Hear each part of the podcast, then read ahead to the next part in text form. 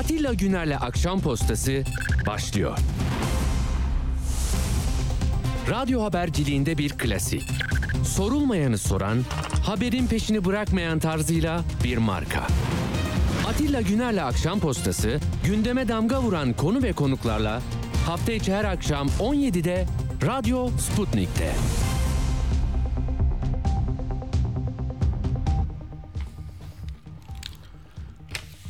Akşam postasından hepinize iyi akşamlar efendim. 22 Mayıs pazartesi. O büyük güne vallahi 5 gün kaldı diyebiliriz. Bunun burasında pazartesi bitti. Cumartesi günü 18'de de artık propaganda dönemi kapanıyor. Siz baş başa kalacağınız ciddi bir soruyla sandığa gideceksiniz. Tamam mı, devam mı?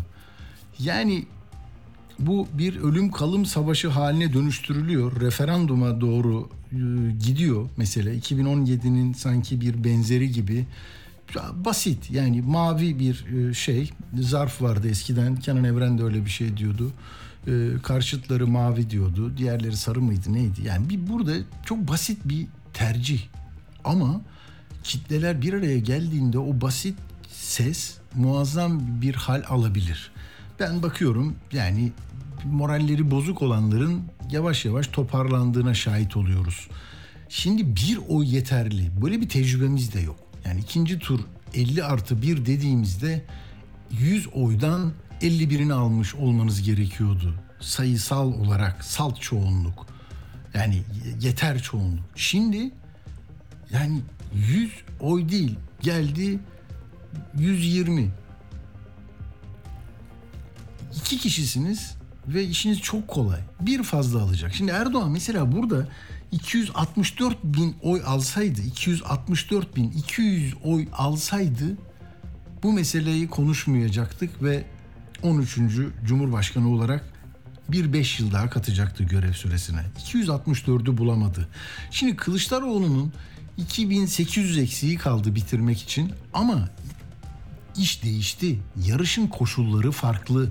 Burada belki de ismini çok az duyduğunuz partilerle konuşmalar onların çok ciddi bir değer ifade etmesi bundan kaynaklı olabilir. Şeye baktım Zafer Partisi'nin işte 25 bin üyesi varmış. Şeyin e, Adalet Partisi ile konuşuyor bugün. E, işte Kılıçdaroğlu yanına gitti. Yani toplam 108 bin oy almış. 108 bin 629 oy almış Ata İttifakı içinde. Ama 108 bin oy Türkiye ölçeğinde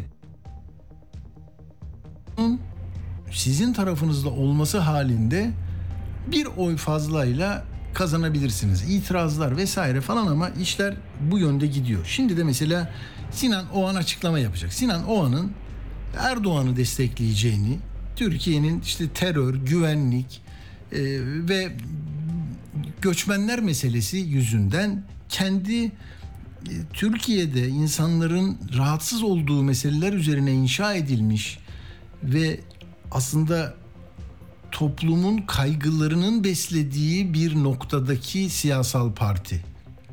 Günün koşullarına uygun ve orada vücut buldu. Şimdi de onun keyfini yaşıyor. Aldığı kaç oyla onu da söyleyeyim. Yani son kesinleşmiş şeylere bakarak söylüyorum bunu.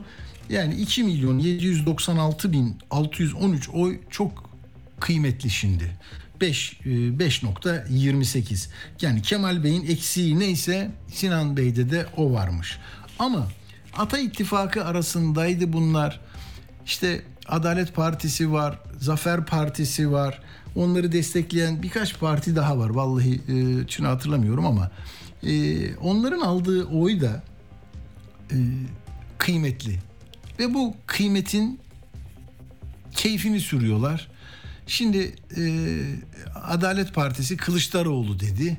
Adalet Partisi'nin dediğim gibi işte e, 100 küsür bin e, bir oyu var. E, oradan da 108 bin oyu tamamen oraya mı gidiyor bu insanlar yani üye oldukları parti ne derse onu mu yapıyorlar bilmiyoruz. Çok büyük sürpriz olabilir deniyor ya.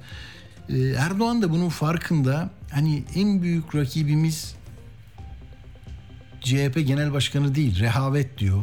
Meclis Başkanı çıkmış aman diyor rehavet e, çok kötü olur diyor NTV'de. Fiilen seçim ilk turda bitmiştir diyor. Ee, böyle enteresan e, bir tabloda ben size şimdi Sinan Oğan'ın da açıklamasını e, bir yandan takip ediyoruz. Onu da ileteceğim. Ama bir başka dikkat çekici konular var. Türkiye yani nereye nereye uzandık ya? Yani bir anda şunu düşünüyorum da e, bugün dün dün pazar günü modada değil mi e, halay çeken Kürtçe şarkıyla halay çeken çocukları polis uyarmış onlar gel demişler onlar tereddüt etmiş itiraz etmişler kaçmışlar polis havaya ateş açmış ters kelepçe yapıp yere yatırmış sonra da e, polis ekip otosunun içinden bir mehter marşı çalarak çocuklara işkence yapıyorlar. Hani ben size bazen diyorum ya 1981 yılında 12 Eylül cuntası o askeri darbeyi yapanlar Mamak'taki sık yönetim mahkemelerinin avlusunda insanlara e, Kürt kökenlilere işte de, komünist e, yelpazedeki sosyalistlere de e, işte Mehter Marşı'nı, e, Gençlik Marşı'nı, dağ başını duman almış bunları e, döverek söyletiyorlardı. Yani aradan geçmiş 42 sene orada bir hani eğlencenin kimi rahatsız ettiğini bakar polis. Ya sesiniz yüksekmiş azaltırsınız fazlalırsınız. Bu da suç varsa kabahatler kanununa göre bir işlem yaparsınız. Yahut ters yatırmışlar çocukları gördünüz mü onun sesi var değil mi bizde? Ya, söylüyorum işte modada Kürt çocuklarını kelepçelemişler arkadan mehter marşı çalıyor. Arda?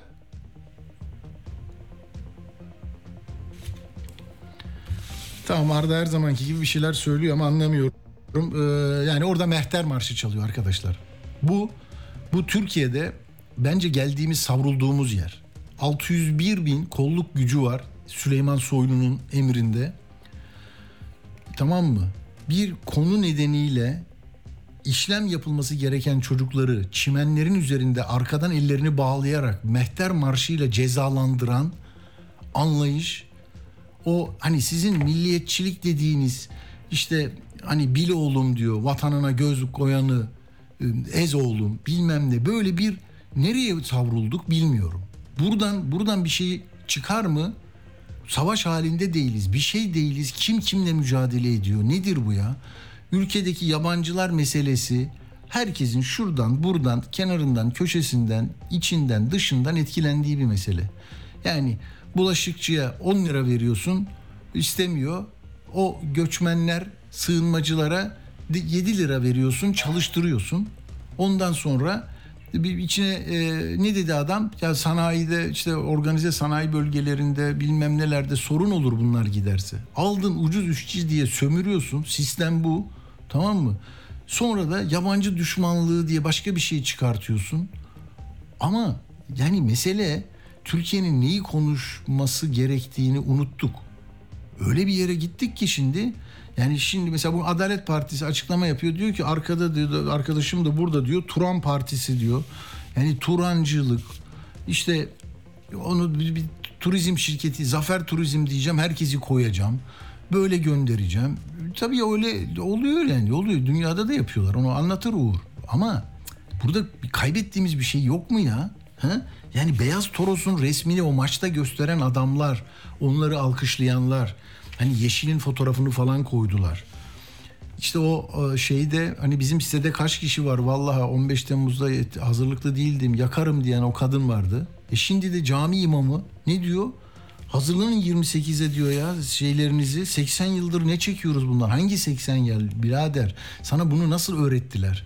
Hani 23'ten Tamam mı? 23'ten 2002'ye kadar adam o 80 yılı yok sayıyor. Ve biz bunu Türkiye'nin milli birliği, beraberliği, inançları diye bir camiye koymuşuz. Adam bunu söylüyor ya. Lanet olasıca yani orası mabet ve adam bunu söylüyor Sultan Gazi'de. Silahlarınızı ayarlayın. Hani buralara kadar gitmesinin nedeni iyi tespit edip sonra da bu, bu iklimden kurtulmamız lazım ya. Hakikaten bu iş değil. Yani ya, insan hakları, demokrasi, Biz nasıl konuşacağız? Çocuğumuzu nasıl eğiteceğiz? Ya biz çocuklarımızı yolluyoruz ilkokula değil mi? Bu cumhuriyet kurulduğundan beri 19 Mayıs'ta Samsun'a çıkışın hikayesini anlatılıyor. 19 Mayıslar kutlanıyor. 19 Mayıs Cuma'ya geldi. Diyanet'in şeyini, hutbesinin şimdi çıkışını aldığım ona bakıyorum. Millet olarak bizi bir arada tutan değerlerimizi benimseme noktasında gençlerimizin re- bizim rehberliğimize ihtiyacı var diyor. Hangi bizi bir arada tutan değerler? Bir tek Mustafa Kemal yok. Milli Kurtuluş Savaşı yok. İsmi bu. Bu nereye savrulduk biz ya? Bak ne diyor? Geçmişten günümüze ancak şimdi tamam mı? Gençlik diye tutturuyor tutturuyor cuma namazında hutbeye bak. Sonunda da diyor ki bu vesileyle hiçbir şey yok ama geçmişten günümüze milli ve manevi değerlerimizi gençliğimize aktarmada önderlik yapmış şanlı ecdadımızı dinimiz, devletimiz, milletimiz ve mukaddesatımız mukad, ne o mukaddesatımız uğruna canını feda eden aziz şehitlerimizi, kahraman gazilerimizi şükran, rahmet, minnetle yad ediyorum. Bak görüyor musun? Atatürk'ü kenara niye koyduğunu da söylüyor burada. Çünkü dinimiz, de, de, mukaddesatımız uğruna canını feda edenleri ayırmış. Diğerleri dinin için değilmiş. Yani bu ülke içinmiş. Onu mu çıkartacağız burada? Yani bir ülkenin e, iktidarının atadığı Diyanet İşleri Başkanı bir metin hazırlatıyor. Bakıyor aman diyor 19 Mayıs'ta sakın gençlik ve Atatürk'ü anma gençlik ve spor bayramı demeyelim. Allah rızası için Atatürk demeyelim. Mustafa Kemal de demeyelim. Anmayalım. Dışarıda bayraklar var. Herkes milli bayraklara başı değerek içeriye giriyor camiye. Hangi bayram olduğunu bilmiyorsun. Kuvvet'teki camiye mi gittin, Afganistan'daki camiye mi gittin belli değil. Ya bu senin kendi milli devletin bu ulus devleti kurulmadı mı? Ne istiyorsunuz Mustafa Kemal'den? Yani burada bir evet hayır verecekse bu insanlar hani o silahları kuşanın diyenler Cuma hutbesinde 19 Mayıs'ın bir bayram, milli bayram olduğunu İnsanların ulaşım hizmetlerini bile bedava bayram sevinciyle evlerini süslüyorlar. Dükkanlarına bayrak asmayana ceza var. Camiye gidiyorsun bayrak yok. içeri gidiyorsun bayram yok. Biraz fazla söyledim ama ben bunu birkaç kişiden dinledim. Dedi ki yani söyleyecektim hoca efendi burada şey yok mu? Bayram bugün bayramdan bahsetmeyeceğiz mi? Yok. Yani iki Türkiye dediğimiz böyle oldu. Hani milliyetçilik nerede? O taraf mı şimdi milliyetçi? Yani Mustafa Kemal'i 19 Mayıs'ı e, kahramanlarını o sırada bir gemiye binip kaçan Vahdettinleri her zaman anmayı biliyorsunuz. Peki bunu niye ayırıyorsunuz kardeşim? Bu nasıl bir ayrımcılık ya? Yani buradan e, bilmiyorum yani öyle bir yere getirdiler ki artık şey e, hani Ali, Ali İhsan Yavuz mu AK Partili seçimleri iptal ettiren arkadaş var ya o gelmiş oradaki lafı alacağım bir şey söyleyeceğim ondan sonra susacağım. O lafı aldı değil mi? Oy pusulasını koydu. Ne dedi? Burada Erdoğan resmi var. Öbür tarafa diğer dedi. Diğer. Yani bakın diğer ne biliyor musun? Diğer hepimiziz. Hepimiziz. Diğeriz çünkü biz. Evet.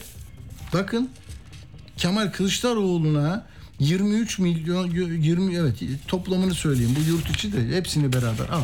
Kemal Bey'e oy vermiş 24 milyon 595 bin. 178 kişi diğer oldu. Çünkü yok sayılıyor.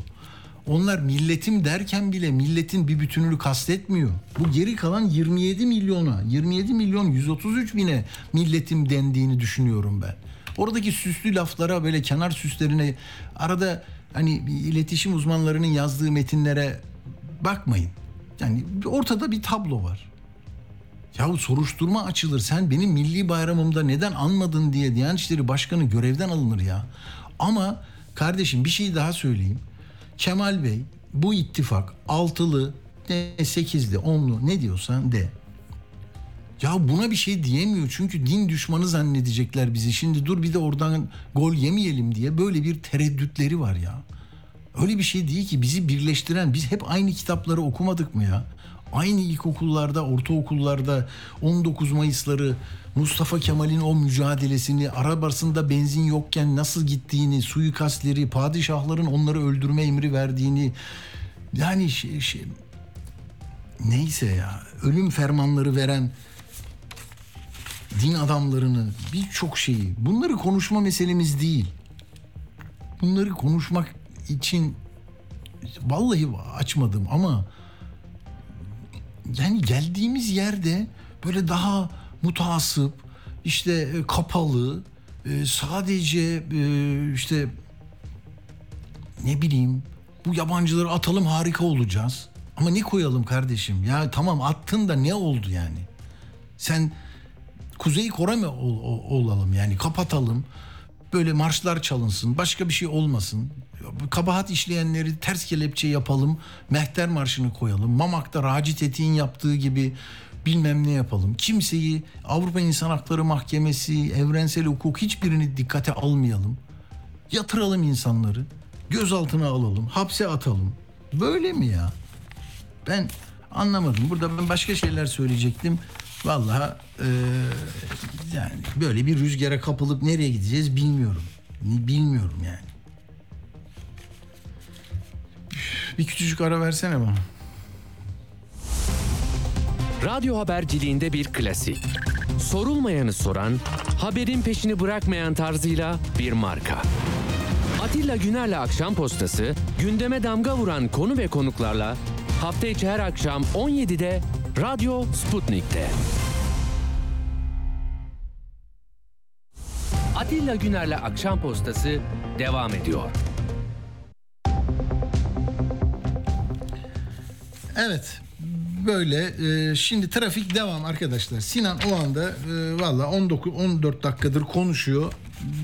Kararını buraya da nereye işte diyecek ki, ki bence Erdoğan'a destek açıklaması. Bugün Kılıçdaroğlu işte Adalet Partisi liderine gitti. Dediğim gibi küçük Ata İttifakı'nın içinden bir parti. Zaten ittifak dağıldı dedi. E, tamam o desteğini aldı. İşte arkada da Turan Partisi lideri var dedi. Böyle Turanlar bilmem neler. Neyse Ümit Özdağ da Numan Kurtulmuş'la e, gö- görüştü ama e, saat 2'de. Şimdi 6'da da şeye gidecek. Sinan Oğan açıklama yapacak. Ondan sonra da e, Zafer Partisi lideri Ümit Özdağ da Kemal Bey'e gidecek. Buralardan ne çıkacak bilmiyorum. Peki biz bunun için mi yaptık bu seçimi ya? Anlamadım ki ben. Yani eksik bir şey mi söyledi? Kemal Bey fazla mı söyledi? Eksik mi söyledi? Bu hani A Haber'in yaptığı bir haberin videosu tek başına o video bile Türkiye'nin bir hat üzerinde olduğunu anlatıyor tamam mı? Onun bir seçmen olduğunu biliyorsunuz, hoş geldiniz diyorsunuz ve kendi ana dilinizle konuşamıyorsunuz seçmeninizle. Katar'da, Doha'da bir e, büyükelçiliğe girenler var. Görüyorsunuz gayrimenkul almışlar. Bu arkadaş Kuveyt Büyükelçisi'ne teşekkür ediyor. Kuveytli herhalde. Ya O sesi duymayanlar için bir verelim. Yani bu sesi yayınlamak yeter bence ya. İnsanlara şunu söylemek lazım. Yani sizin ülkenizin geleceğiyle ilgili karar verirken TC vatandaşı yapılmış bu arkadaşın da payı var. Bir oy fark olacak ya şimdiki seçimde. Yani Türkçe bilmeyen 150 kişi sizin kaderinizi değiştirebilir. Bu, bu burada bir problem var. Yani yani Amerika Birleşik Devletleri'nde vatandaşlığa geçen Türklerle sohbet ettiğimi biliyorum. Alman vatandaşlığına geçen çifte vatandaş Türkleri biliyorum. Nasıl çalışıyorlar? Anayasalarına, milli marşlarına, kendi dillerine hakim olacak kadar bir konuşmaya orada sınavlara giriyorlardı. Kaybedenler böyle çok üzülüyordu. Üç ay sonra bir daha gireceğim vesaire. Bir şey var ya mü- mülakata giriyorsun. Yani böyle bir şey bizde ver parayı çünkü dolarım yok al. Zaten sen beni de seversin, bana oy verirsin. Böyle bir şey gidiyoruz. O sesi versenize e, sınırda e, gümrük kapısında oy kullanan sevgili Türkiye Cumhuriyeti vatandaşı kardeşinizi dinleyin. Hayırlı uğurlu olsun efendim oyunuz. Barakallah, hayakullah, velhamdülillah yani ana lem ara كما رأيتها في تركيا Çok teşekkürler. Çok sağ olun. باعتبار أنني رجل كبير في السن Hayırlı uğurlu olsun inşallah أتمنى diyelim. على Ne yapsın muhabir kızımız ya? Ne yapsın muhabir kızımız gülüyor. ya ya bu var ya Halk TV'de, KRT'de, Tele1'de çıksaydı bu. Ne yaparlardı biliyor musun? Arkasında bir şey var. Gittiler buna para verdiler. Gel tam seçim günü böyle de seçime 5 gün kala biz de bunu kullanacağız propaganda amacıyla. Öyle değil. İşte böyle. Böyle. Yani kendi televizyonunda e, böyle bir şey yaşandı. Yani Levent Kırca bir parodi yapsaydı Türkiye hani çok beğenilmeyen eski Türkiye var ya Levent Kırca Kanal D'de olacak o kadar yapsaydı böyle bir espri yapabilirdi. İçine tabii biraz daha şeyler katarak sonuna hani e, anlaşılmayan bir dilde başka şeyler de söyleyip yarı Türkçe yarı bir şey yapabilirdi. Peki e, ama bu, bu buralardan kime ne mesaj vermiş o, olacağız ki? Yani herkes zaten e, kimliğiyle, aidiyetiyle, inançlarıyla, tahayyülüyle bir, bir yerde duruyor ve sadece onlardan onlar arasındaki iki mavi köşe, kırmızı köşe arasındaki oy eşit ve birisinin bir fazla alması yetecek. Ya nasıl bir şey bu bir ülkenin nasıl idare edileceği 5 yıl e, o olağanüstü yetkilerle ve bu bozulan ekonomik dengeyle nasıl nasıl kurgulayacağız biz ya? Biz kendi dilimizi öğretemediğimiz insanın oradan neyi biliyor? Bir tek resmini tanıyor tabii. Resmine basıyor, çıkıyor. Hani orada belki A Haber'de Kemal Bey'in resmini kapatıyorlar ya diğer diyorlar. Hani yanlışlıkla oraya atmasın bilmeyen falan diye.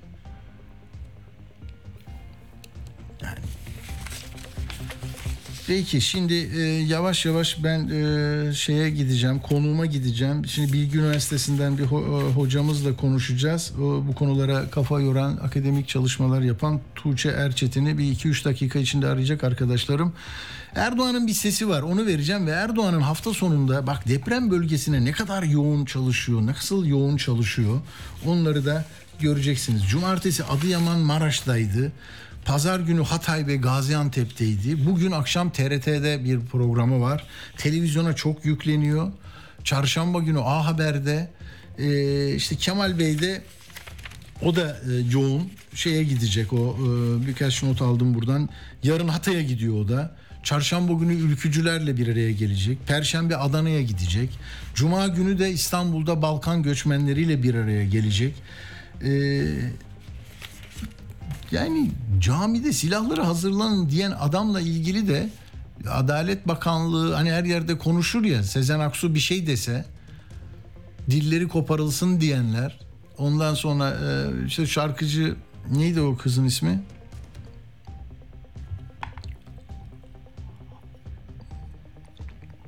Gülşen. Gülşen kapalı bir yerde eskiden çekilmiş bir videoda bilmem ne dediği için hapse mahkum ediyorsunuz. Adam 28 Mayıs akşamı silahlarınızı ayarlayın. İki silahım ağzına kadar dolu diyor. Diyanet İşleri Başkanı soruşturma açıldı. İdari soruşturma. Yani bu bizi tehdit eden bir şey değil. Sadece Diyanet çalışanlarını öldürecek o. Diyanet'in kendi iç sorunu. Böyle mi ya? Adam kime çeviriyor? Namluyu kime çeviriyor? Savcısı nerede bunun? Sultan Gazi nereye bağlı? Cebeci neresi? Sultan Gazi öyle Türkiye Cumhuriyeti'nin dışında bir yer falan da değil. Yani işgal ettik de orada savunma hattı mı oluşturuyor? Kuvayi Milliyeci mi bu adam? Oylara baktım. E- Erdoğan'la Kılıçdaroğlu arasında bir puan bir puan fark yok o şeyde. Sultan Gazi'de. Al. E, Kılıçdaroğlu 145.594 oy almış Sultan Gazi'de yüzde 47.1. Erdoğan da 150.498. 5000 oy fazla almış. 48.6. Ne oluyor ya? Sen kendi evlatların kendi evlatların orada. Ne dedin Necdet? E be- belliydi zaten. Tamam be- de- destekleyeceği belli zaten. E, tamam o orada haber değeri bile yok. Önceden söylenmiş bir şeyi açıklamış da ne olmuş yani? Sinan o an a, Erdoğan'ı destekleyecek. Çünkü Dolmabahçe'ye gittin sen. Dolmabahçe dediğin zaman duracaksın. Dolmabahçe'ye gittin. Ondan sonra da Daha önce de şeyle Kemal Bey'le de konuşmuştun ama hallettin. Şimdi Zafer Partisi de ortalayacak herhalde. Serbest bırakıyorum. Ben işte buralardan tatmin olmadım vesaire bir şeyler diyecek. O da yarın e, 11'de açıklayacakmış. Ama bu akşam da gidecek Kemal Bey'den ne koparırım. Bak Sinan desteklemedi. Ben desteklersem ne vereceksin bana? iki tane otobüs verir misin bu yabancıları atayım buradan falan diye. Belki üstüne Zafer Zafer ve Millet İttifakı e, Turizm diye bir şey yazarlar. Yani bu kadar. Şimdi ara veriyoruz. Küçücük bir tanıtım verin. E, Tuğçe Erçetin, Doktor Tuğçe Erçetin, Bilgi Üniversitesi Siyaset Bilimi e, hocası. Onunla konuşacağız. 500 kişi ne dedi ya? Yeter artık. Bu, bu kadar uğraş uğraş 3 kuruş para kazanacağım. Lanet olsun mu diyorlar yani. Nasıl oluyor? Aşağı beş yukarı o şekilde adamın sigortası yok. Bağkurunu ödeyemiyor. Ya para kazanamıyor. Şimdi üretim maliyetine sattığını düşünürsen e, banka borçları bir sürü şey yani öyle e, herkes diyor ki işte çiftçi çok kazanıyor. Hayır çiftçi kesinlikle çok kazanmıyor. Bu yıl benim bildiğim en aşağı 500'ün üzerinde çiftçilik yapmayan çiftçim var benim. Aa bak bu çok önemli. Niçin? Niçin? Ne diyorlar yani? Zarar ediyoruz diye mi 500 çiftçi? Girdik fiyatları çok fazla. Domatesi bırakan adam nereye gidecek? O 500 kişi ne yapacak mesela 500 çiftçi? Başka şey mi ekecek? Ya hiçbir şey yok. Ya otelde çalışacak ya yemeğe gidecek Bak, ya e, bak. farklı yerlere gidecek ya da e, biz aç kaldık diyecek. Devletimiz onlara bir belli miktarda maaş verecek. Ekmek Ya, parası, çay parası. Ya. Bak görüyor musun işte tarımın sorunu. Bu 500 çi- çiftçi üretimden niye vazgeçti? Herkes böyle 500-500 giderse değil mi? Öyle düşünmüyor musunuz? Çok kötü olmaz mı sonumuz ya? Ben ben şaşırdım ve çok üzüldüm. Hep bu söyleniyordu ama siz işin içindesiniz. İlçenin ziraat odası başkanısınız. Yani e, çok e, etkilendim bundan. Atilla Güner'le Akşam Postası hafta içi her gün saat 17'de tekrarıyla 22.30'da Radyo Sputnik'te. Atilla Güner'le Akşam Postası devam ediyor. Evet bir son e, notu şöyle okuyayım. O an Millet İttifakı bizi ikna edecek bir perspektif sunamadı. En önemlisi mecliste çoğunluğu sağlayamadı. Müzakere ve istişareler sonucunda Erdoğan'ı desteklemeye karar verdik. Beklenen bir şey bunu söylemiş. Ama Meclis Başkanı Şentop'un söylediği yani eğer yanlışsa beni düzeltin ama Kılıçdaroğlu Erdoğan'a desteğini açıklayıp Türkiye'yi rahatlatabilir diyen bir meclis başkanımız var ya. İttifaklar ile adayların oy oranları aşağı yukarı aynı diyor. Sonra da çekil diyor. E Erdoğan çekilse ne olur? Yani nasıl meclis başkanı yani parti genel başkanı gibi konuşur mu ya? Ben hani camisindeki hoca başka, meclisin başındaki başka e, yani alışık olmadığımız tarzda e, sözler, ifadeler bunlar. Onun için hani şaşırdık mı diyor ya Ayşenur Arslan bazen. Yani şaşıralım arkadaşlar. Yani şaşırmaya şaşırmaya her şeyi normalizasyon çerçevesinde değerlendirilmeye başlandı. Peki şimdi Doktor Tuğçe Erçetin hattımızda. Merhaba Tuğçe Hanım hoş geldiniz hocam. Merhaba Atilla Bey, hoş bulduk.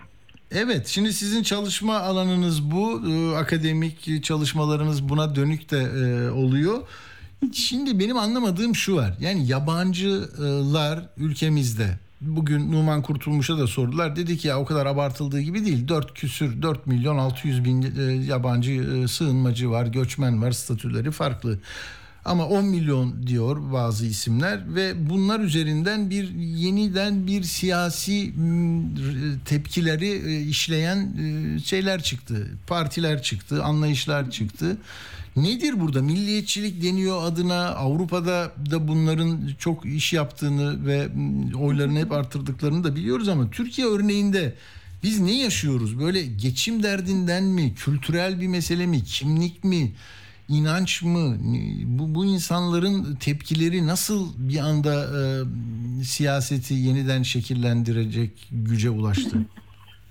Ee, Atilla Bey aslında burada e, Türkiye'yi dünya siyasetinden ya da o bağlamın çeşitli etkilerinden ayrı tutura, tutarak e, çok düşünemeyiz. E, şimdi Tabii. Türkiye'ye gelmeden önce siz de söylediğiniz nedir bu diye. Şimdi dünya siyasetine baktığımız zaman aslında biz çok uzun bir süredir bir sürü belirsizlikle şekillendiğini görüyoruz. Yani 2008 yılından itibaren bir ekonomik kriz, Suriye iç savaşına veya Rusya'nın e, Rusya-Ukrayna arasındaki çatışmalar sonucunda göç akımları, e, pandemi gibi e, çok fazla birbiriyle örtüşen krizin yarattığı belirsizlik aslında Hmm. e, hem dünyada hem Türkiye'de geleneksel ve ana akım siyasetin anlatısını oldukça değiştirdi. Yani e, bunu tabii sadece milliyetçilikle göremeyiz. Milliyetçilikle popülizmin yükselmesini bir arada düşünmek gerekiyor. Yani özellikle sağ kanat dışlayıcı popülizmin yükselmesiyle aslında o idealize edilen ve homojen olarak inşa edilen halkın karşısına hep bir e, ötekiler yerleştirildi ve başta hani Avrupa siyasetinde de gördüğümüz mülteciler ve göç önemli boyutlardaydı. Önemli boyutlarda aslında tanımlandı. Ve ilk olarak bütün bu e, tepkilerin başında bir ekonomik boyut var. Yani işimizi çalan göçmenler, artan işsizlik oranıyla e, göçmenlerin ilişkilendirilmesi veya artan suç oranıyla e, kriminalize edilen göçmenler, daha güvensizlik koşullarıyla ilgili veya tabii e, milli kimliğe, milli değerlere, kültürle, kültüre zarar verdiği iddia edilen güç göçmenler. Dolayısıyla yaşanan tüm bu değişimler, krizler, e, neoliberal reformlar çok kültürlü bir yaşama dair farklı tepkiler ortaya çıkardı. Ve günün sonunda e, sosyoekonomik statüsünü tehlike altında hisseden, işini kaybetmekten korkan, işte kimliğinin, geleneklerin kaybolacağını düşünen, kendini toplumda marjinalleşmiş hisseden kitleler milliyetçilikle çerçevelenen popülizme ve özellikle sağ partilere destek vermeye başladı. Yani Türkiye örneğinde de bunu görüyoruz. E, yani e, değişimler sonucunda kendini dezavantajlı ya da daha tehdit altında hisseden gruplar kolektif güvenliği e, güven devam ettirmek istedi. İşte gelenekleri devam ettirmek istedi. Güçlü bir lideri idealize etti ve farklılıklara karşı bir birlik oluşturmak daha güvenli hale geldi. Şimdi Peki bu e, arada çok önemli buluyorum burasını. Bakın Erdoğan tabii 21 yıldır iktidar ama diyor ki bunlar göndermek istiyor onu. Biz ne Müslümanlığımızla ne işte medeniyetimizle bunu yapamayız diyor. Yani bu tepki varken ve 21. yılındaki bir iktidarın e, sa- sahibi, lideri e, bu yabancıların çıkar- çıkarılması meselesine bu kadar da sert itiraz ediyor. Ona rağmen 27 milyon küsür oy alıyor. O nasıl açıklanacak? Bu yani karşılar bu tarafa, bunlar bu tarafa mı yoksa siyaset bunu nasıl e, ayrıştıracak ki? Yani şimdi e, er, Erdoğan'da aslında hala AKP'nin e, ve Avrupa'nın aslında ayrıştığı yer bura- burada. Yani Avrupa'da bu değil e, daha kurulu düzene karşı ama bugün Türkiye sizin de söylediğiniz o çok önemli. Türkiye'de milliyetçi değil 21 yıllık iktidar tarafından üretiliyor ve kılınıyor. Yani aslında müesses nizamın e, eskiden işte kendini cumhuriyetçi seçkinlerden ayıran bir e, müesses nizam karşıtı söylem. Şimdi aslında bu kurulu düzenin tam kendisi daha muhafazakar ve dinsel motiflerle bezeli bir milliyetçilikten bahsediyoruz. Yani bu şu demek aynı zamanda Türkiye'de AKP öncesi askerlerin siyasette etkin olduğu dönemde daha seküler bir dille milliyetçilik vardı. Burada Avrupa'da e, milliyetçi dalga Türkiye'den farklı olarak kurulu düzene karşı yükseliyor ve daha muhafazakar e, bir seçim var. Şimdi Erdoğan'ın en başarılı e, olduğu aslında kendini hala müesses nizam karşıtı e, söylemleriyle halkla beraber e, konumlandırır. Yani halkın e, kurtarıcı olma meselesi. Biz e, bugünlerde işte baktığımız zaman herkes 2023 seçim sonuçlarındaki milliyetçi oyları 2018'deki milliyetçi oyları alt alta yazarak bir artış arayan bir düz mantıkla yaklaşıyor ama şimdi 2018'de MHP %11 almıştı e, hatırlarsak. İyi Parti'de %10'du gibi. Ama biz bu sayılara bakarken biraz daha e, yani sayıların ötesine bakmamız gerekiyor bu yükselişi anlamak için. Özellikle AKP'nin Erdoğan'ın seçim kampanyasının e, içeriğine bakmak gerekiyor. Yani milliyetçi söylemi nasıl yerleştireceği üzeri, yerleştirdiği üzerinden. İşte İHA, SİHA, e, yerli milli savaş gemisi, uçak, e, TOK yani tüm bunların yanına aynı zamanda e, bölüm ve beka söylemi daha güvenlik temelli bir söylem ve e, bu güvensizlik koşullarına karşı e, koruyucu rolü ve imajını e, sürekli olarak tekrar eden kampanyalardan bahsediyoruz. Yani nasıl e, ittifak daha vatansever, daha istikrarın kendisi ise e, muhalefeti terör, terörist diliyle tanımlaması aslında bu söylemi üretebiliyor. Yani siz diyorsunuz işte 21 yıllık bir iktidar peki hala nasıl oluyor dediğimizde burada çok önemli bir içerik kullanıldığını hatırlamak gerekiyor. Yani bu e, 2015 seçim kampanyasında da böyleydi. 2017'de evet bloğu, halkın bloğu, istikrarın bloğu, işte terörle savaşmanın ya da terörle mücadelenin önüne geçecek blok olarak meşrulaştırıyordu.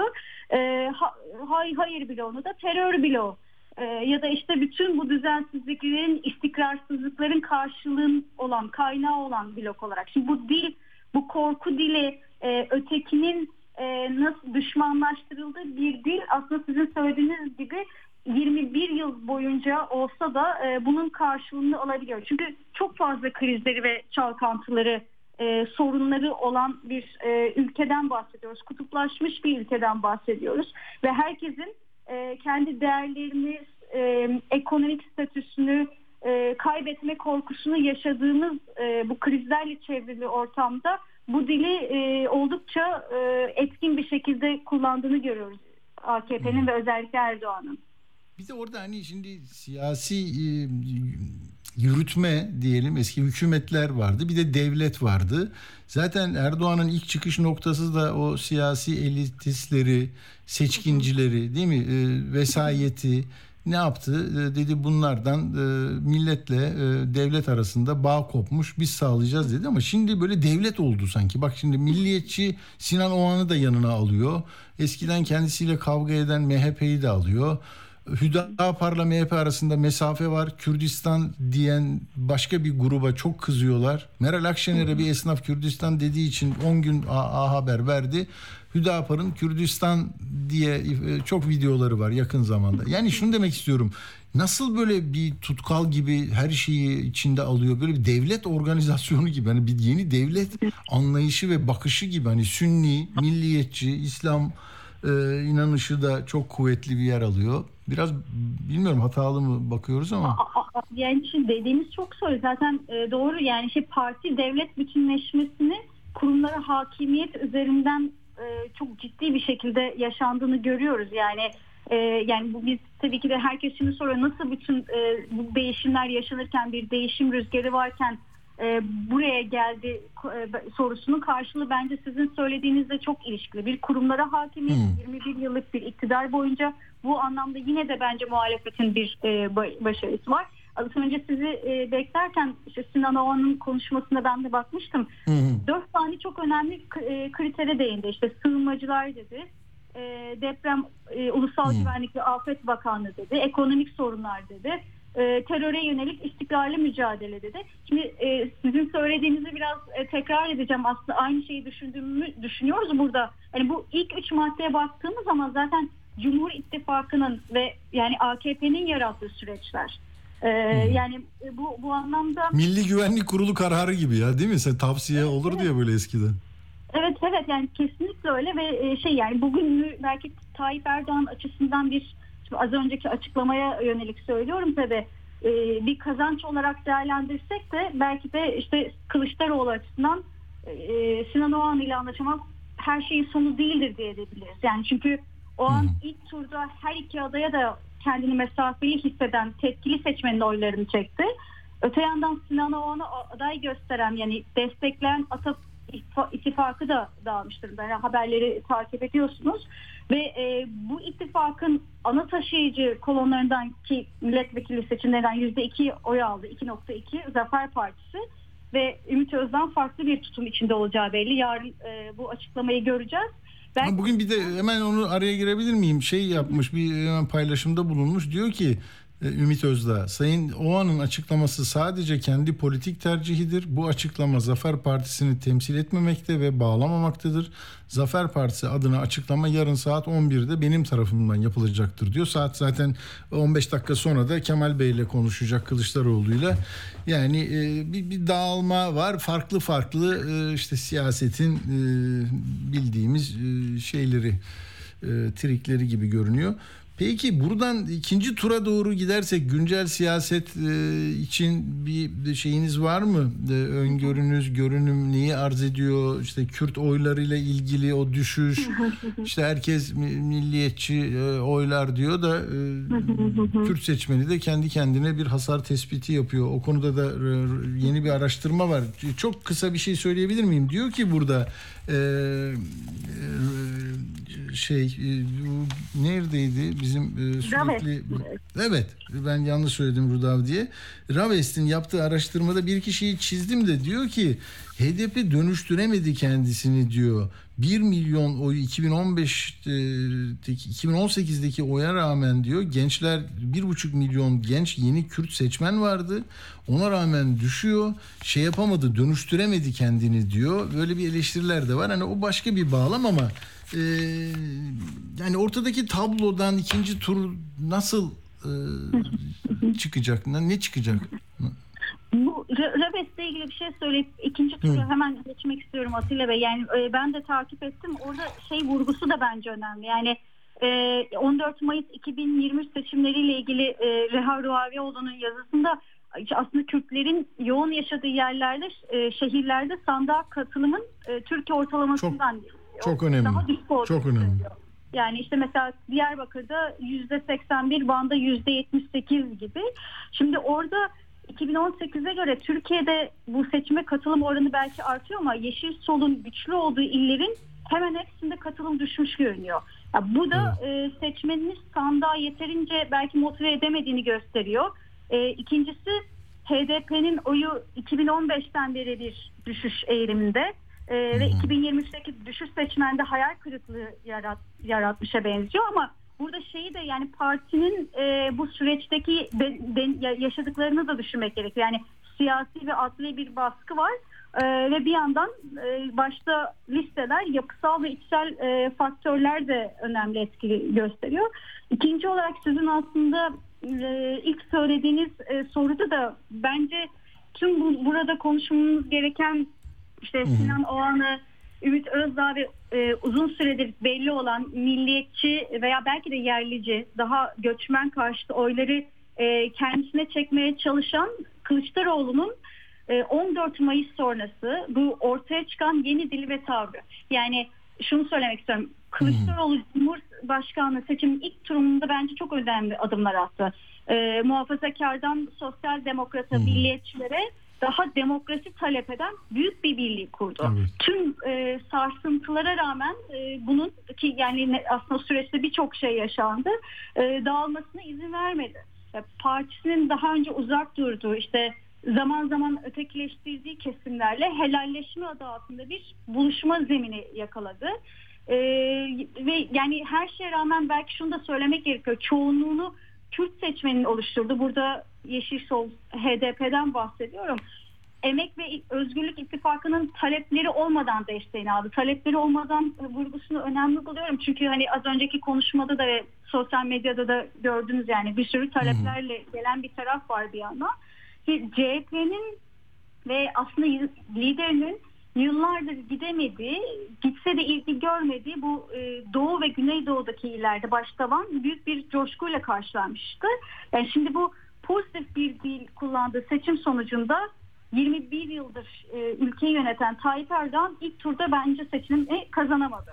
Üstelik yani elin, sizin söylediğiniz o elindeki devlet ve medya gücüne rağmen, bütün o e, kurumlardaki Tabii. hakimiyete rağmen e, ve Kılıçdaroğlu ilk turda Erdoğan'ın gerisinde kalmasının telaşıyla yani dilini sert bir şekilde değiştirdi. Bunun getirisi kadar bence kendine oy veren makul çoğunlukta ve Kürt seçmende bir şaşkınlık e, söz konusu olabilir ve belki buna bağlı e, sandığa gitmeme tercihi de olabilir. Çünkü yani bir önceki e, kampanyasıyla o pozitif dilin kullanıldığı, daha umut gibi, e, birliktelik gibi kutuplaştırmayı azaltan, olumlu duyguları içeren, pozitif duyguları içeren kampanyadan e, negatif kampanya bu hızlı geçiş e, bir taraf için bir kırgınlık da yaratabilir düşüncesindeyim ikinci tur için. Anladım. O zaman izleyeceğiz, göreceğiz. Ee, eklemek istediğiniz bir şey var mı? Ee, yani Türkiye nasıl bir yol ayrımında e, bu bir referanduma dönüştürelim diyenler de var. E, Bu mümkün oluyor mu seçmen nezdinde? Yani Ya bu çok az bir zaman kaldı Atilla Bey. Yani e, bu pazar günü bu seçim var. Evet bi- bizde zaten aslında seçimler hep deriz ya yerel seçimler de referanduma e, doğru dönüşüyor. E, bu süreçte açıkçası e, ben biraz burada beni ürküten belki de bu siyaset dilinin merkezdeki ana akımdaki siyaset dilinin e, değiştirilmiş olması. Yani o, o yüzden Kılıçdaroğlu'nun ikinci tur kampanyasını bu açıdan e, önemsiyorum. Yani kullandığı, kullanılan dil e, ve o e, diskurun bu hızlı bir şekilde değişmesi belki de bundan sonraki süreci bize, biraz tarif ediyor. E, belki burada biraz daha sizin söylediğiniz gibi yaşayıp göreceğiz. Um- umarım daha güzel şeyler yaşarız tabii. peki e, Doktor Tuğçe Erçetin'le konuştuk Bilgi Üniversitesi'nden. Çok teşekkür ediyoruz katkınız için Tuğçe Hanım sağ olun. İyi yayınlar. Sağ olun. Evet yani şimdi Sinan e, Oğan'ın ben e, bu kadar oyla e, Erdoğan'a geçiyorum deme gibi bir şeyi yok. Kadrosu değil, seçmeni değil. Yani arada derede oluşmuş bir talep, oluşmuş bir öfke tamam mı? Böyle kanalize edildi. Yani Erdoğan'a vermek isteseydi zaten oraya verirdi o. Yani Erdoğan sahip çıkıyor sığınmacılara ve bunu hem dini temelleri üzerine oturtuyor hem de Anadolu sermayesinin o ucuz iş gücüne ihtiyacı olduğunu anlıyoruz. Ee, onun yani örgütünde, teşkilatında bunların böyle konuşulduğunu biliyoruz. Şimdi yani e, buradaki 5 milyon 2, 2 milyon küsür değil mi? Evet. Yani na- nasıl gidecek oraya? Gitmeyecek. Ben bir tane bir size Arda'nın yaptığı bir röportaj var. Orada alın görün. Ee, yani Sinan Oğan'ın aldığı 2 milyon 831 bin 239 oy var. İki kişi, e, bir kişi burada var ama ben e, yine haricen öğrendim, çevremde var öyle birisi. O dedi ki yani Sinan Bey ne derse desin ben Kemal Bey'e veririm. Çünkü benim karşıtlığımın ilk şeyi, filtresi belli. Oradan sonra işte Kemal Bey mi o mu derken böyle dedim ama o da olmazsa tekrar Erdoğan şıkkı yok benim için dedi. Benzer şey var. İki dakika hemen o röportajı dinleyelim hızlıca arkasından konuğumuzu hemen hazır olsun. Arda soruyor, vatandaş anlatıyor.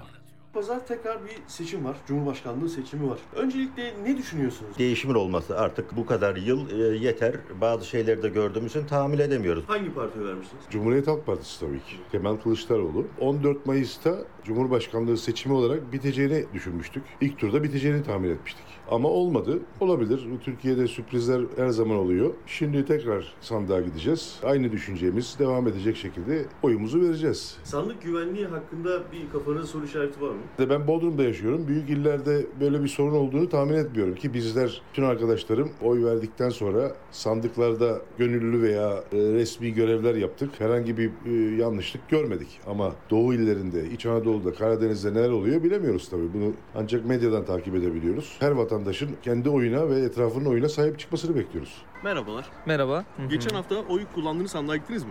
Gittim sandığa oyumu kullandım. Hangi partiye oy verdiniz? Sinan Oğan'a verdim Cumhurbaşkanı'na. Partide Zafer Partisi'ni tercih ettim. Tercih sebebim oylar bana göre her türlü bölünecekti. Muharrem İnce de olsa o oy tarafı Sinan Oğan'la beraber eşit gidecekti. Muharrem İnce çıktı Sinan Oğan kaldı. Benim için bölünüp ikinci tura kalmasının ana sebebi bana göre Sinan Oğan'dır. Yani yoksa Sinan Oğan'dan da oy gidecekti. Şu an ikinci tura kalmasının sebebi bana göre Sinan Oğan. İki seçimde iki cumhurbaşkanı adayı var. Tercihiniz kimden yana olacak? Kemal Kılıçdaroğlu'ndan olacak. Zaten Sinan Oğan'a verenler geneli ikinci tura kalıp solun daha garantiye düşmesi içindi bana göre. Sinan Oğan'a verenlerden biri olarak ikinci turda Kemal Kılıçdaroğlu'na verecek. Merhabalar. Merhaba. Geçen hafta oyunuzu kullandınız. İlk oyumu kullandım evet. İlk oyunuz. Evet.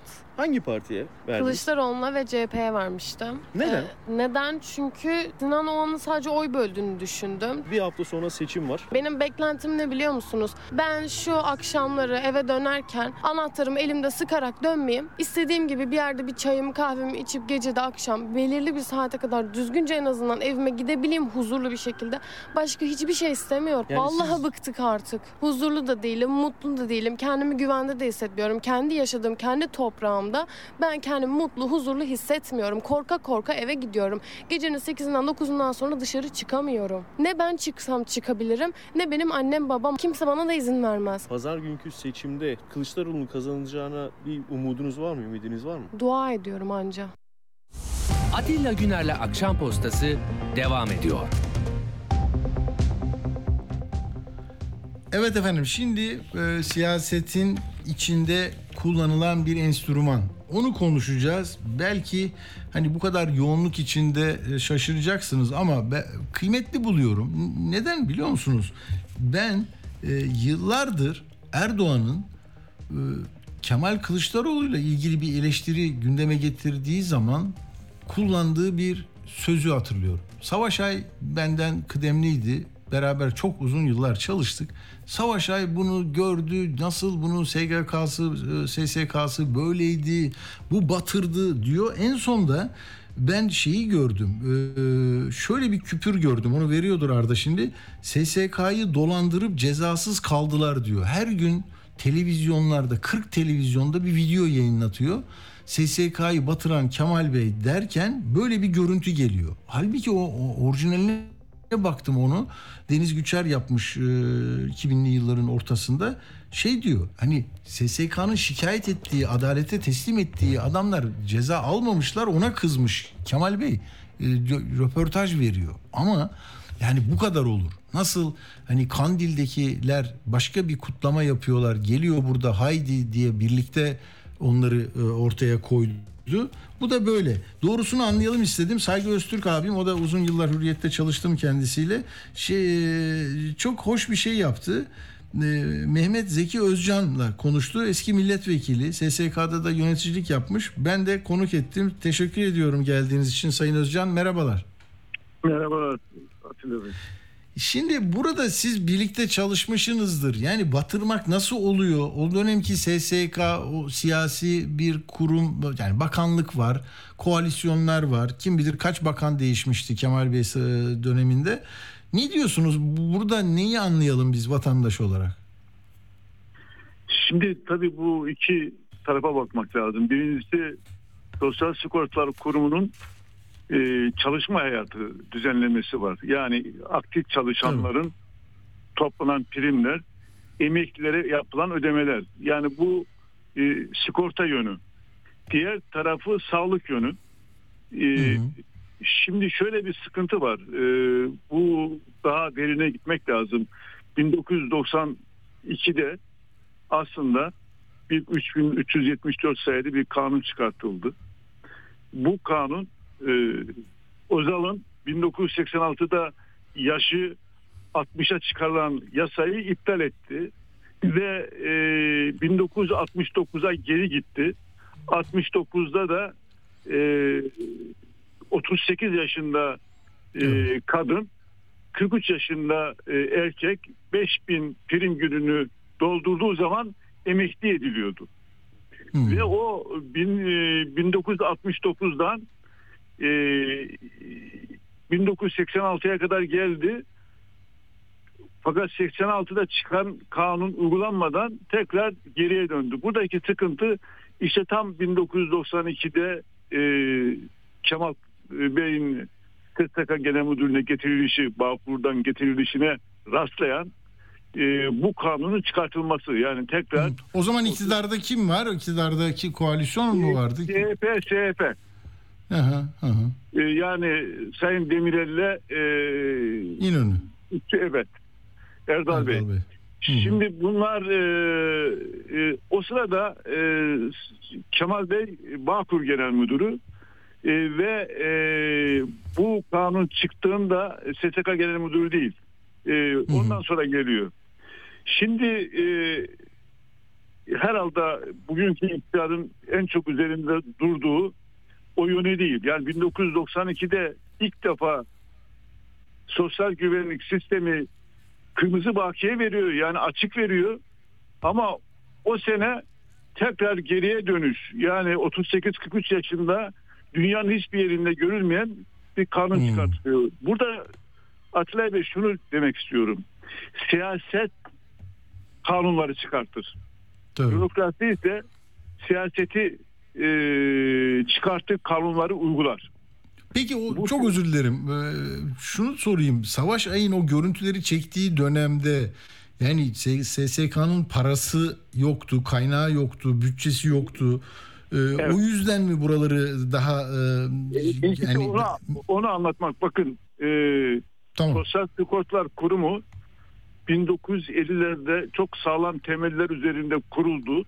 1969'a gelindiğinde e, rahmetli Demirel e, bu dediğim yani 38-43 yaşında emekli hakkı verdi ve 10 sene borçlandırdı. İşte o borçlanma yasasıyla başlayan bir e, çöküntü var. E, batma dönemi başlıyor SSK'da.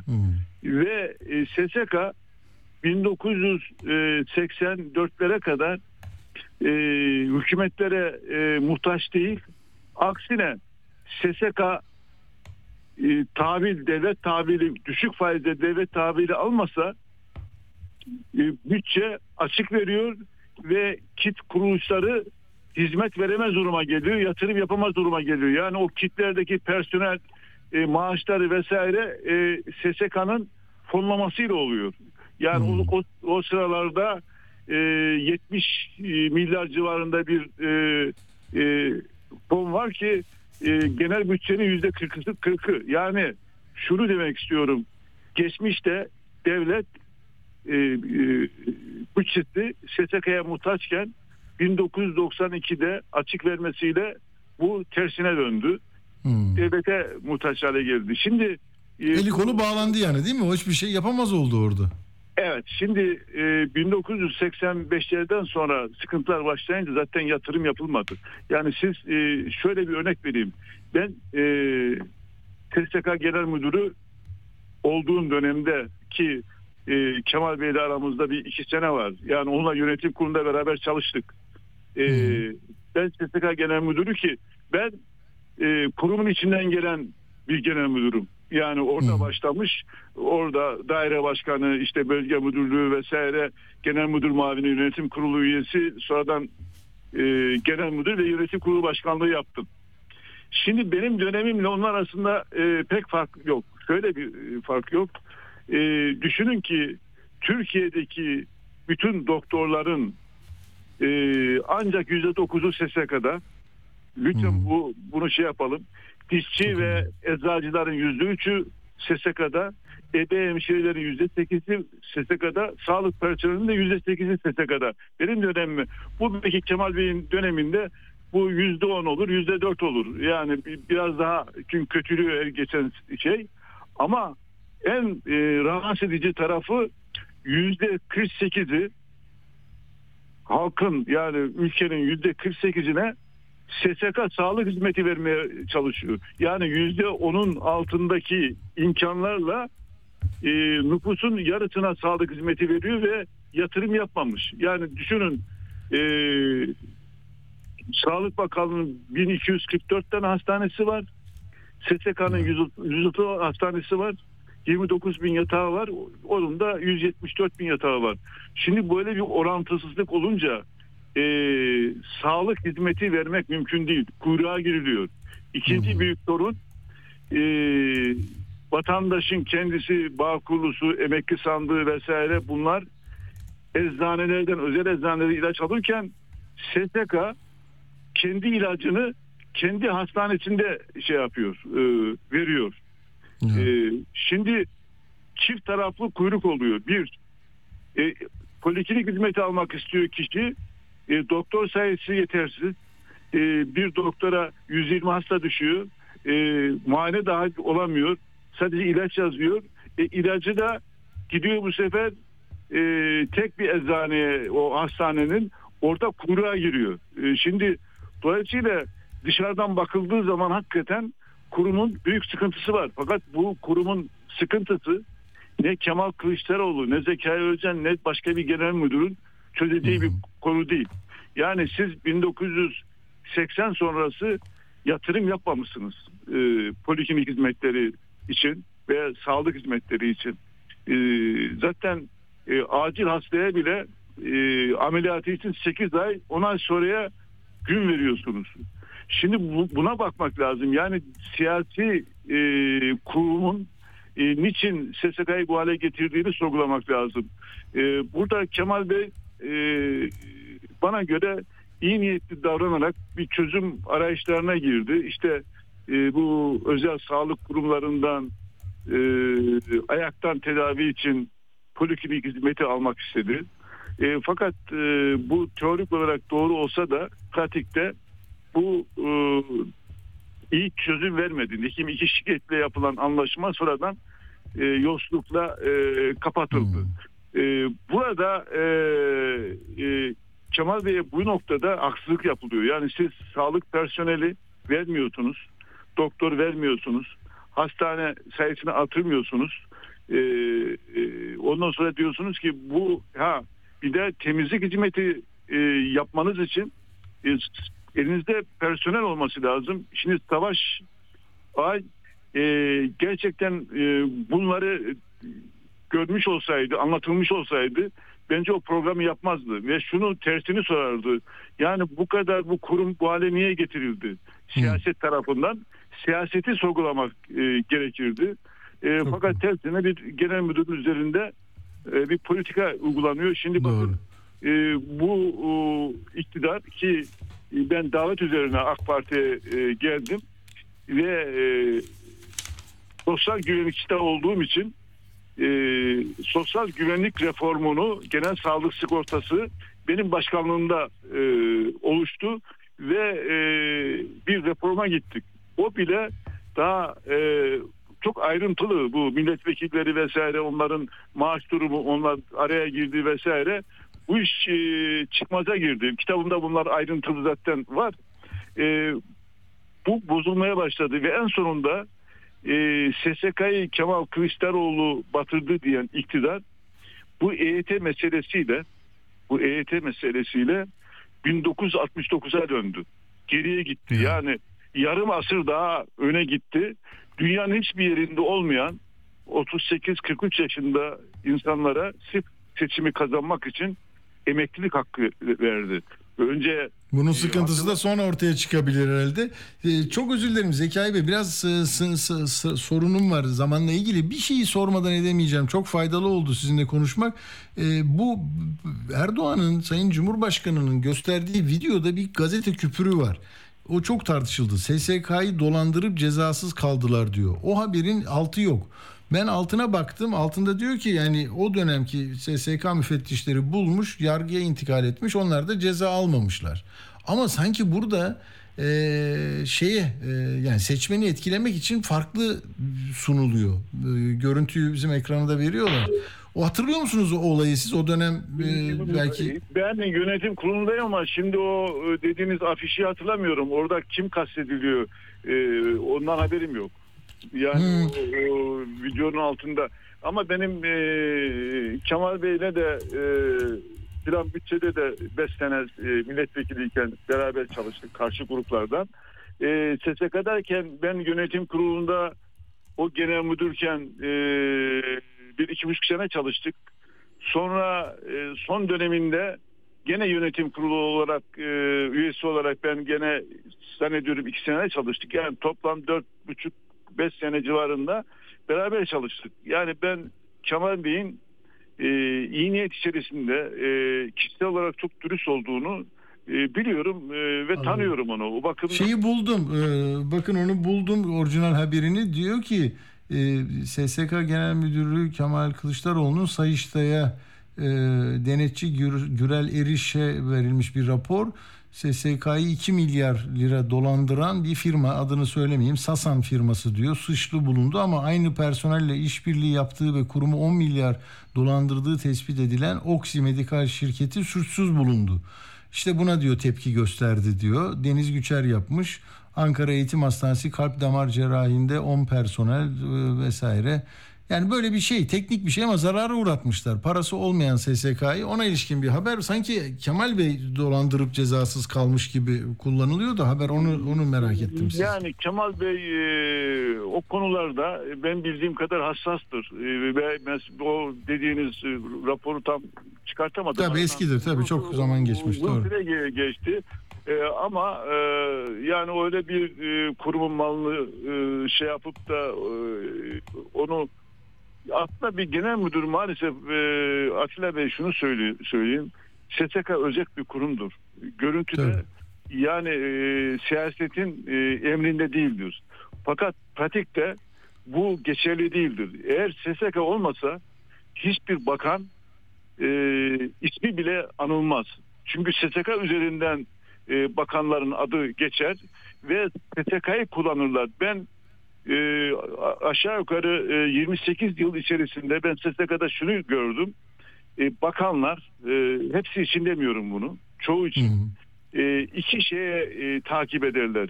Biri personel tayinleridir ki yetkileri yok aslında. Ama e, ben na- nasıl olsa üçlü kararnameyle genel müdürü e, işte başbakana vesaire alıp veya getirdiğini e, düşünerek diyor ki benim dediğimi yapacak diyor psikolojik olarak. Tabii. E, Kendi çiftliği gibi, arka bahçesi gibi kullanıyor ama sorumluluk da genel müdüre yükleniyor. Sonra da bunu böyle yaptı diye. Çünkü e, genel müdürü şaye olarak görüyor. O olmasa başkasına getiririm diyor. E, ikincisi e, ihaleler. E, bakın e, sosyal e, sigortaların e, bir zamanlar e, sadece e, inşaat ihaleleri Bayındırlık Bakanlığı'ndan e, daha fazlaydı ve üstelik de e, kendi kaynaklarından olduğu için herhangi bir sıkıntısı yoktu ödemelerde. Yani devlet bütçesi 10 senede 20 senede bir hastaneye e, kaynak aktarırken SSK e, anında veriyordu. İkincisi e, bu kadar hastanenin yeme içme iaşe sağlık hizmetleri bunların alımları var. E, ilaç var. E, kurum eczanelerine alınıyor. Tabii orada da şey oluyor. Şimdi bunları Peki biraz zamanında sorunum var. Bir konuğum daha var Zekai Bey. Bir toplarsız toplayabilirsek çok sevineceğim. Ee, Yani bu, burada çok tekrar, da, tekrar şunu söylüyorum. Tamam. Bir e, genel müdür e, yönetiminden do- dolayı e, yanlışlığı eleştirilebilir. Denir ki şurada şurada yanlış yapıldı. Fakat SSK bir e, karayolları bir işte desteği vesaire değil.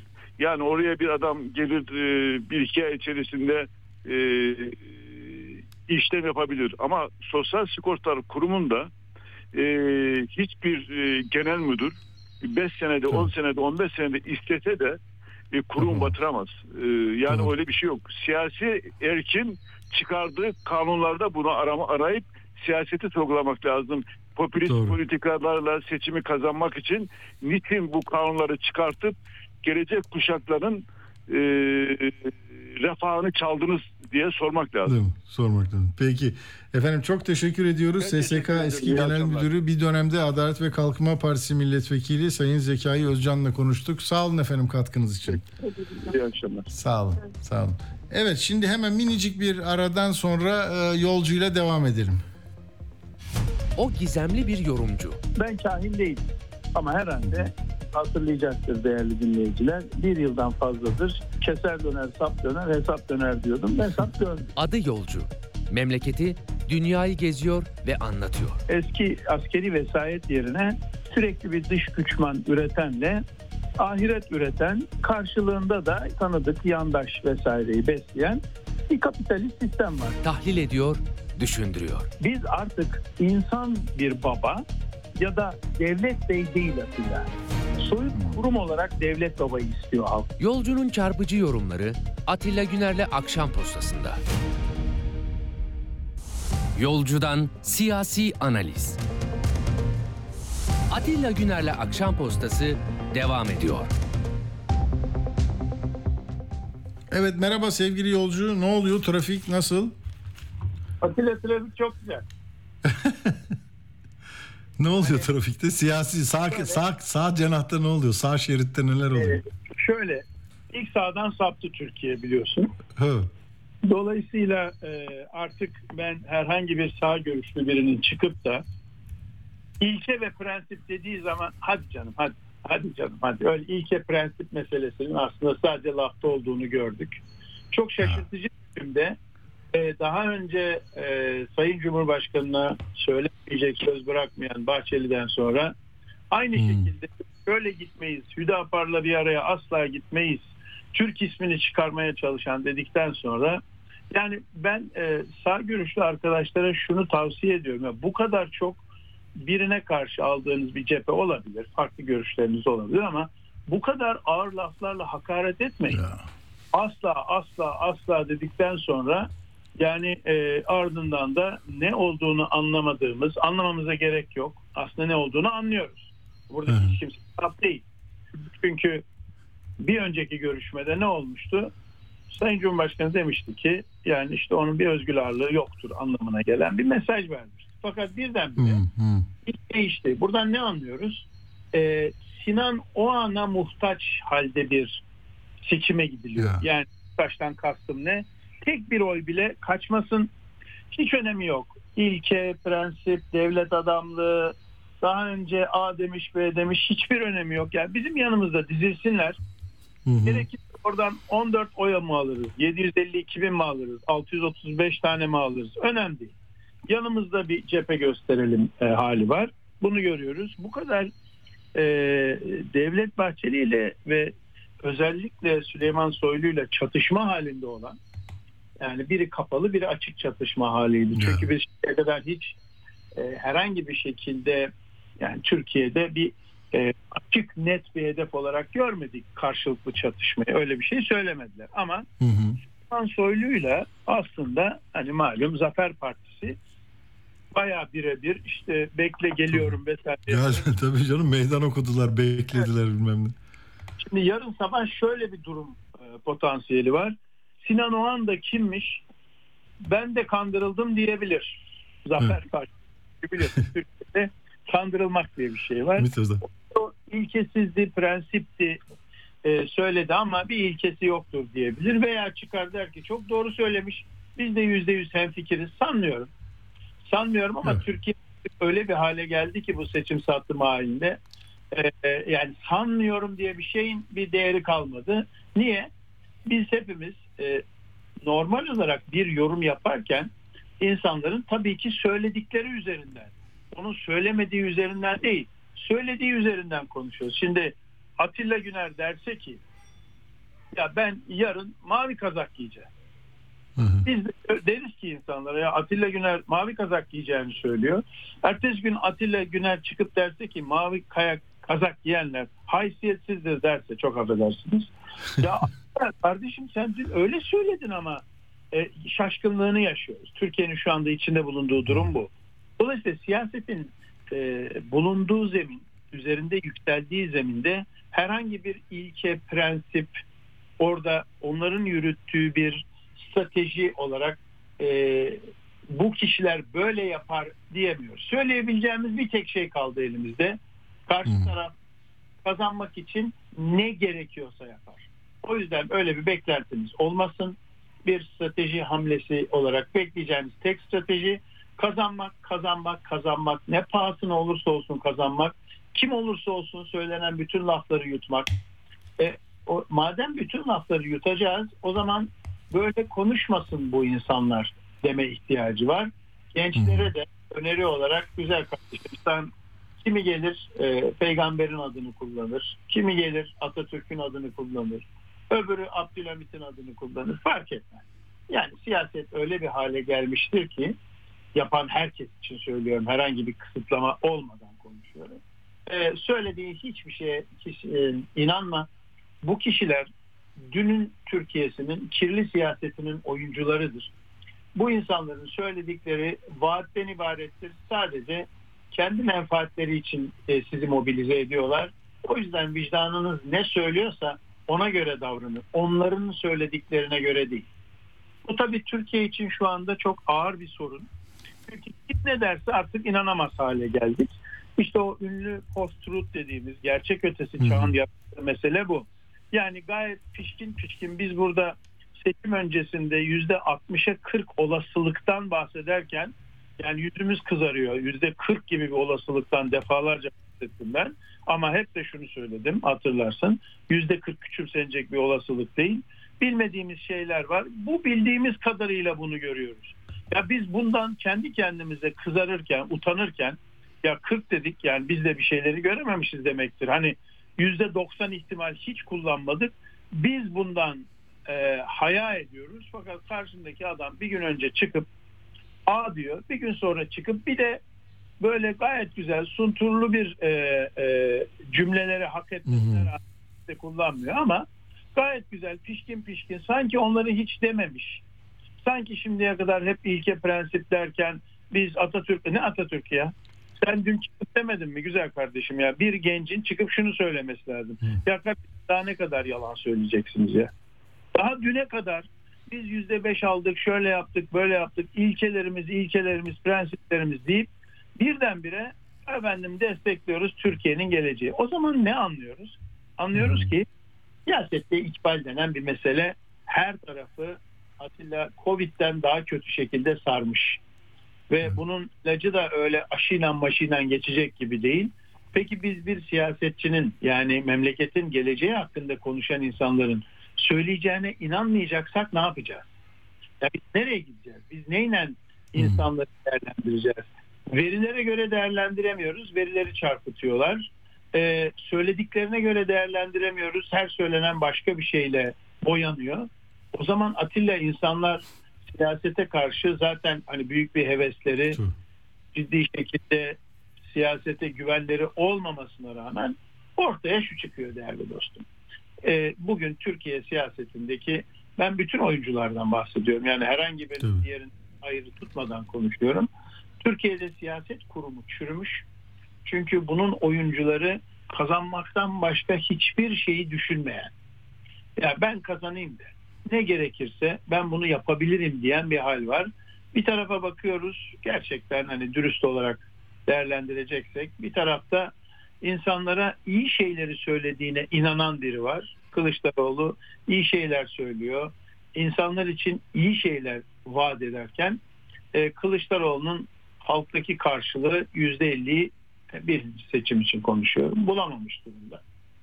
Öbür taraftan bakıyorsun e, bir Muharrem İnce konusu var. Sonuna kadar varız vesaire vesaire deyip birdenbire benim hakkımda çok olumsuz konuştular. E kardeşim senin hakkında olumsuz konuştularsa hepsi yalansa niye bırakıp gidiyorsun? Madem öyle olumsuz bir şey yok. O zaman gitme mücadele et. Yani hani sen şimdi abdestinden namazından emin değil misin? Öyleysen gitmeyeceksin. Diyeceksin bunların hepsi yalan dolan. Ben mücadeleyi son güne kadar e, sürdüreceğim. Ardından da halkın tercihi neyse buna saygı duyacağım. Hayır o bırakıp gidiyor. Öbür e, oyuncu biz böyle bayağı da gururlu şekilde çok şaşırttı ama ikinci tura bıraktık da ikinci tura bıraktık türküsü söylüyor bize. Ben neyin marifeti bu ya? Ya bu neyin marifeti? Eğer iki şunu söylüyor Atilla. Ben olmasaydım e, o zaman sen, Bir- birinci turda bitecekti değil mi?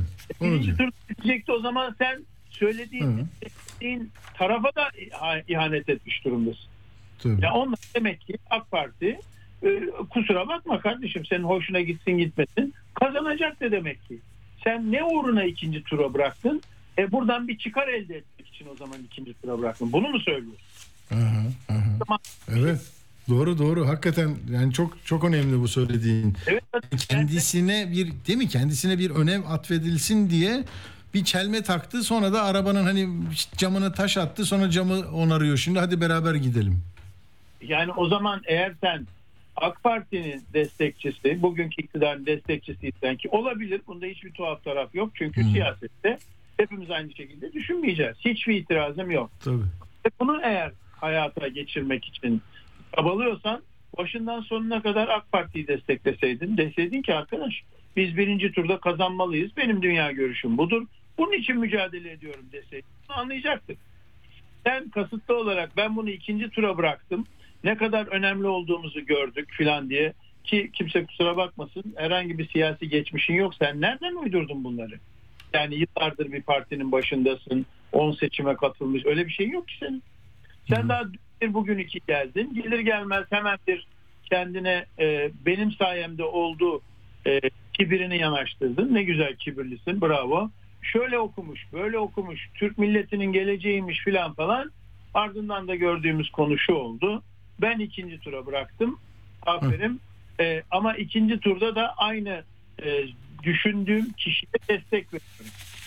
O zaman niye onlar için ikinci tura bıraktığına bir cevap bulması lazım. Orada hiçbir cevap yok. Bir tek cevap var. Ya güzel kardeşim aslında söyleyemediği şu. Ya ben de beklemiyordum bu kadar yüksek oyu. Ve sonuçta böyle bir şey çıkınca e ben de buradan bir ekmek yemek istiyorum. Niye? Bu fırsat bir daha gelmez zaten değil mi? Yani Bahçeli de diyor ya geldin buraya diyor kendinde olmayan bir güçle pazarlık masasına oturmaya çalışıyorsun. Gece kondu kuruyorsun bizim mahalleye diye kızıyor. Seni partiden atıyor. Gidiyorsun onunla hem hal olacak. Üçüncü bir ayak oluyorsun oraya. Şimdi ben Bahçeli ile Sinan Oğan'ın karşılaşacağı anı Atilla. Çok güzel. E, Bahçeli buna yan yan bakıp hoş geldin delikanlı dese verebileceği bir cevap var mı? Yok. E, Ben MHP lideri olmak istiyorum efendim diyecek. Ne zaman ayrılıyorsunuz diyecek. Yani diyecek ki ya ben tükürmüştüm ama güzel bir lafıdır bu. Ya bu tükürdüğümü yalamak zorunda kaldım. Aslında siz haklıymışsınız. Ben siyasetin çok büyük bir e, acemisiymişim. Öyle attım tuttum. Kurnazım numaraları yaptım ama sonuçta ben menfaatin nereden geleceğini görünce hemen oraya dümen kırdım. Şimdi buradaki mesele gençlerin zihninde bir şey oluşması. Gençler Evet. yani artık Türkiye'de böyle ben Atatürkçüyüm, şöyle vatanseverim, böyle falan. Bunları bırak kardeşim. Sen Atatürkçüsün veya değilsin. Bir siyasi görüşün varsa onun için mücadele etmek mantıklıdır. Sonuna kadar sonuna kadar sen o zaman iktidarı desteklemeliydin. İktidarın kazanması için uğraşmalıydın. Türkiye'ye bu kadar sevdiğin Türkiye'ye niye ikinci bir masraf yaptırıyorsun?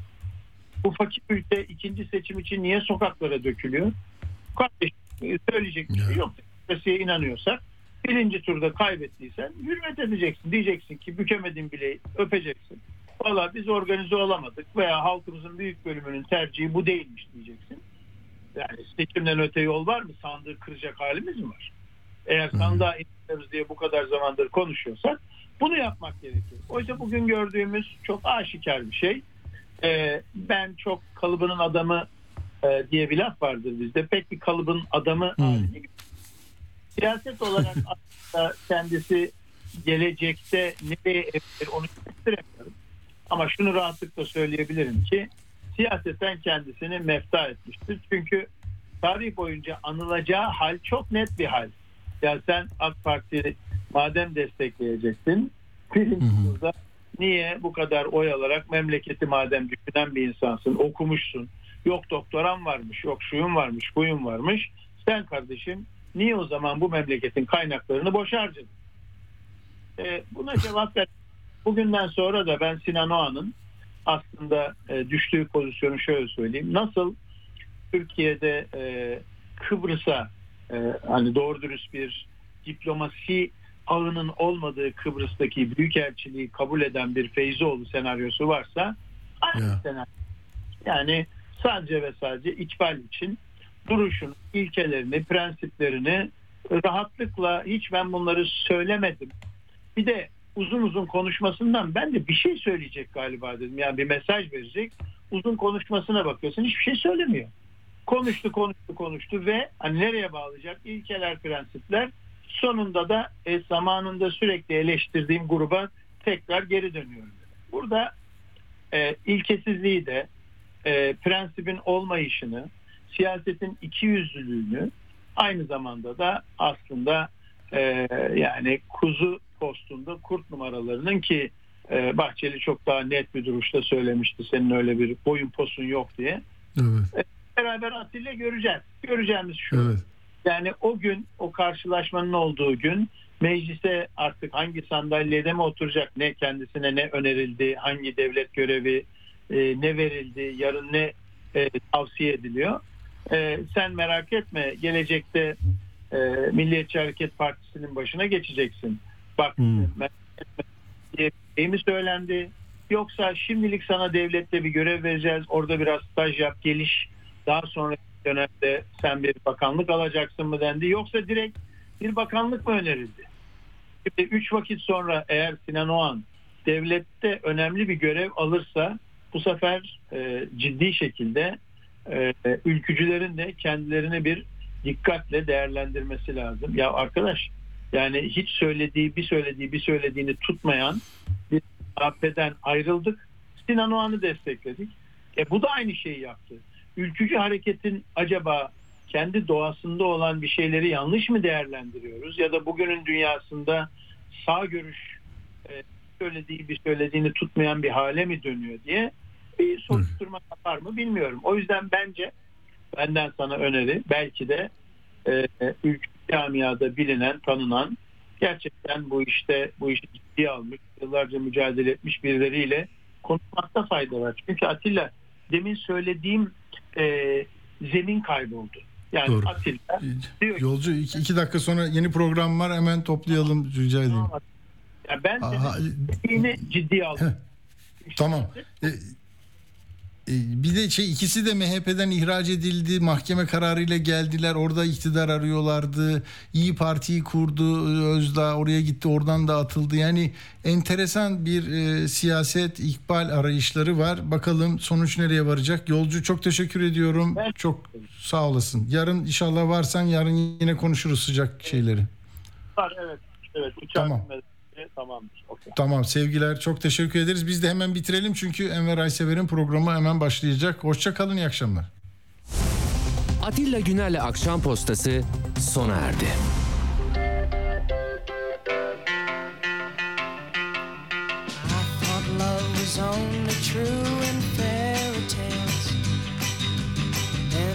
someone else but not for me love was out to get me. That's the way it seemed. Disappointment haunted all my dreams. Then I saw her face. Now I'm a believer. Not a trace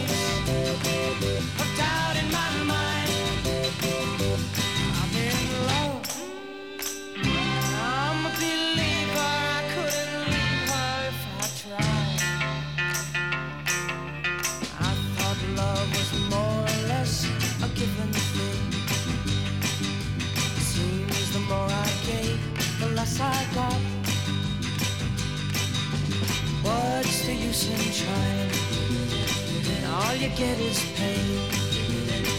When I needed sunshine, I got rain. Then I saw her face. Now I'm a believer.